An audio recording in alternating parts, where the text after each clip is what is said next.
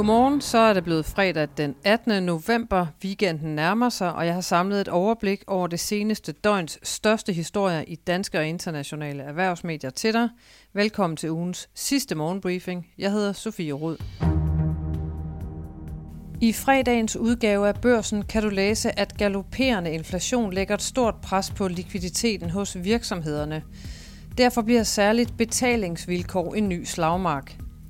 Børsen har talt med ejerleder Erik Thyrmer, som gennem 19 år i værktøjsproducenten Thyrmer Tools aldrig har sagt nej tak til en kunde, men det ændrede sig for tre uger siden, hvor en mellemstor kunde forlangte 150 dages betalingsfrist i stedet for de 30 sædvanlige dage.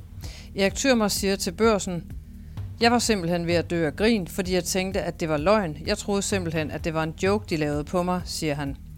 Den situation hos grossistvirksomheden er et godt billede på, hvordan virksomheder i værdikæden overalt i Danmark lige nu arbejder intenst på at øge deres likviditet på grund af den høje inflation. Og mens store virksomheder under coronakrisen tilbød en hjælpende hånd i forhold til betalinger til kunder og leverandører, så er situationen en helt anden nu. Det kan du læse mere om i børsen i dag. Finans skriver på deres forside, at dansk erhvervsliv får drøje hug for en utilstrækkelig indsats i kampen mod fremtidens klimakatastrofer. 73 af de største danske virksomheder har samlet set kurs mod en temperaturstigning på 2,6 grader i år 2100. Det viser en rapport fra organisationen Carbon Disclosure Project, der har regnet virksomhedernes klimamål om til et estimat for deres relative bidrag til den globale opvarmning. Dermed flugter de danske virksomheders ambitionsniveau langt fra med Paris-aftalens mål om 1,5 grader. De er samtidig et godt stykke efter lande som Italien, Tyskland og Holland med 2,2 graders mål, mens tallet for hele Europa er 2,4 grader. Det norske lavprisflyselskab Norwegian er i den grad genopstået fra de nær døde og lancerer nu et nyt angreb mod SAS – Norwegian vil i sit sommerprogram, der begynder i marts 2023, starte 10 nye ruter fra København. Hermed vil det norske selskab have i alt 61 destinationer til og fra København, og på nogle af de mest populære øh, ruter, turistmagneter som for eksempel Malaga og Prag. I alt øger Norwegian kapaciteten med 450.000 sæder på alle danske ruter. Det er en vækst på 12 procent, og antallet af fly, der har base i København, når op på 13, oplyser Norwegian.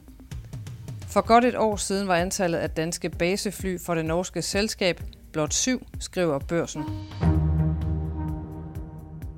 Bavarian Nordic har indgået en rammeaftale med EU om levering af op til 2 millioner doser koppevaccine i løbet af 2023 og 2024. Det fremgår af en børsmeddelelse, hvor Bavarians topchef Paul Chaplin siger, vi er glade for at styrke vores samarbejde med EU-myndighederne og andre om at sikre det fortsatte beredskab mod abekopper i hele Europa. Der er tale om en indkøbsaftale, som giver EU-medlemsstater og en række andre lande mulighed for at købe Bavarian Nordics abekoppevaccine, og indtil videre har 14 lande allerede bekræftet deres deltagelse i det fælles indkøb, det skriver børsen. Gaveboden er for alvor afløst af smalkost i Storbritannien. Britterne må vinke farvel til tidligere premierminister Liz Truss' løfter om skattelettelser for milliarder af britiske pund, og nu i stedet æde skattestigninger for 25 milliarder pund, skriver flere internationale erhvervsmedier og børsen. Samtidig så skal der skæres i de offentlige udgifter for over 30 milliarder pund. Det står klart efter, at den nye britiske finansminister Jeremy Hunt torsdag i parlamentet fremlagde regeringens finanspolitiske hestekur. Kuren skal dæmpe en skyhøj inflation på 11,1 procent og genskabe tilliden til britisk økonomi, der var ude i en sand orkan på rente- og valutamarkederne efter Truss-regeringens såkaldte mini-budget. Hunt sagde torsdag om planen, Ja, vi tager svære beslutninger for at håndtere inflationen og holde boligrenterne nede, men vores plan fører også til en mildere nedtur, lavere energiregninger og tø- højere vækst, skriver altså både børsen og Financial Times. På tværs af stort set alle medier er den største erhvervs- og finanshistorie den om det opsigtsvækkende kollaps i den amerikanske kryptobørs FTX, og torsdag tog sagen en ny drejning. Den nye FTX topchef John Ray III, der er specialiseret i rekonstruktioner og har fået til opgave at rydde op, langede kraftigt ud efter måden, som stifter og eks-topchef Sam Bankman-Fried har drevet virksomheden på.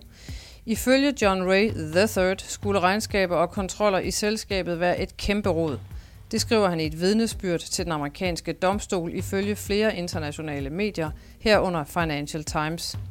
Ifølge den nye topchef, så er FTX den værste sag om virksomhedssvigt, han har set i sine 40 år lange karriere. Han skriver blandt andet, Aldrig i min karriere har jeg set et så fuldstændigt svigt i virksomhedskontroller og et så fuldstændigt fravær af troværdig finansiel information som i dette tilfælde.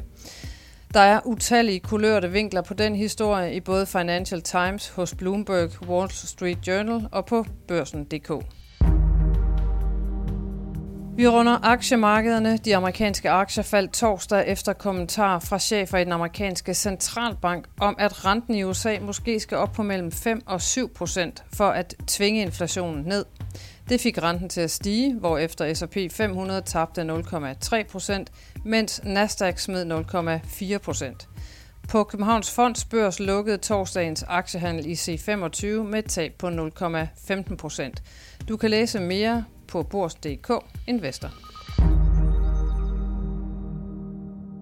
Det danske fodboldlandshold er rejst til Katar for at spille VM i fodbold, og landstræner Kasper Julemand og hans ledelsesstil er atter i fokus. Nu er det fredag, så kan vi godt tåle et genhør med Niels Lundes interview i Topchefernes Strategi med Julemand om landstrænerens syn på ledelse. Her svarer Julemand på, hvordan han ser landsholdets value proposition. Nummer et, det er at vinde øh, det er at vinde fodboldkampe. Øh, og det er, det er det, som jeg er ansat til først og fremmest at forsøge at, at hjælpe holdet til. Øh, jeg har en drøm om at vinde. Jeg har en drøm om, at jeg var selv en ung mand, da vi vandt EM i 92, så hvor kunne det være fantastisk, hvis dem, som ikke var født på det tidspunkt, mine børn, kunne få lov til at opleve noget af den, den samme eufori. Så det at vinde er nummer et. Nummer to, jamen det er at gøre folk stolte, og have flest mulige, der, der er med i den drøm. Fordi jeg synes, at det er vigtigt at forstå, at vi alle sammen omkring holdet føler, at vi står på skuldrene af befolkningen. Øh, og at det system, som jeg startede med at sige, øh, vi er egentlig bare showcasen på Danmark. Vi er showcasen på alle dem, der har med fodbold at gøre i Danmark.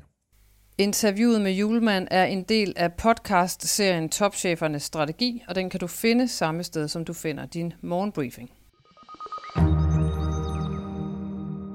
Det var alt fra mig i ugens sidste morgenbriefing. Dagen er i gang, og weekenden venter. På mandag er vi her igen. Og indtil vi høres ved, så håber jeg, du får en god dag og en dejlig weekend.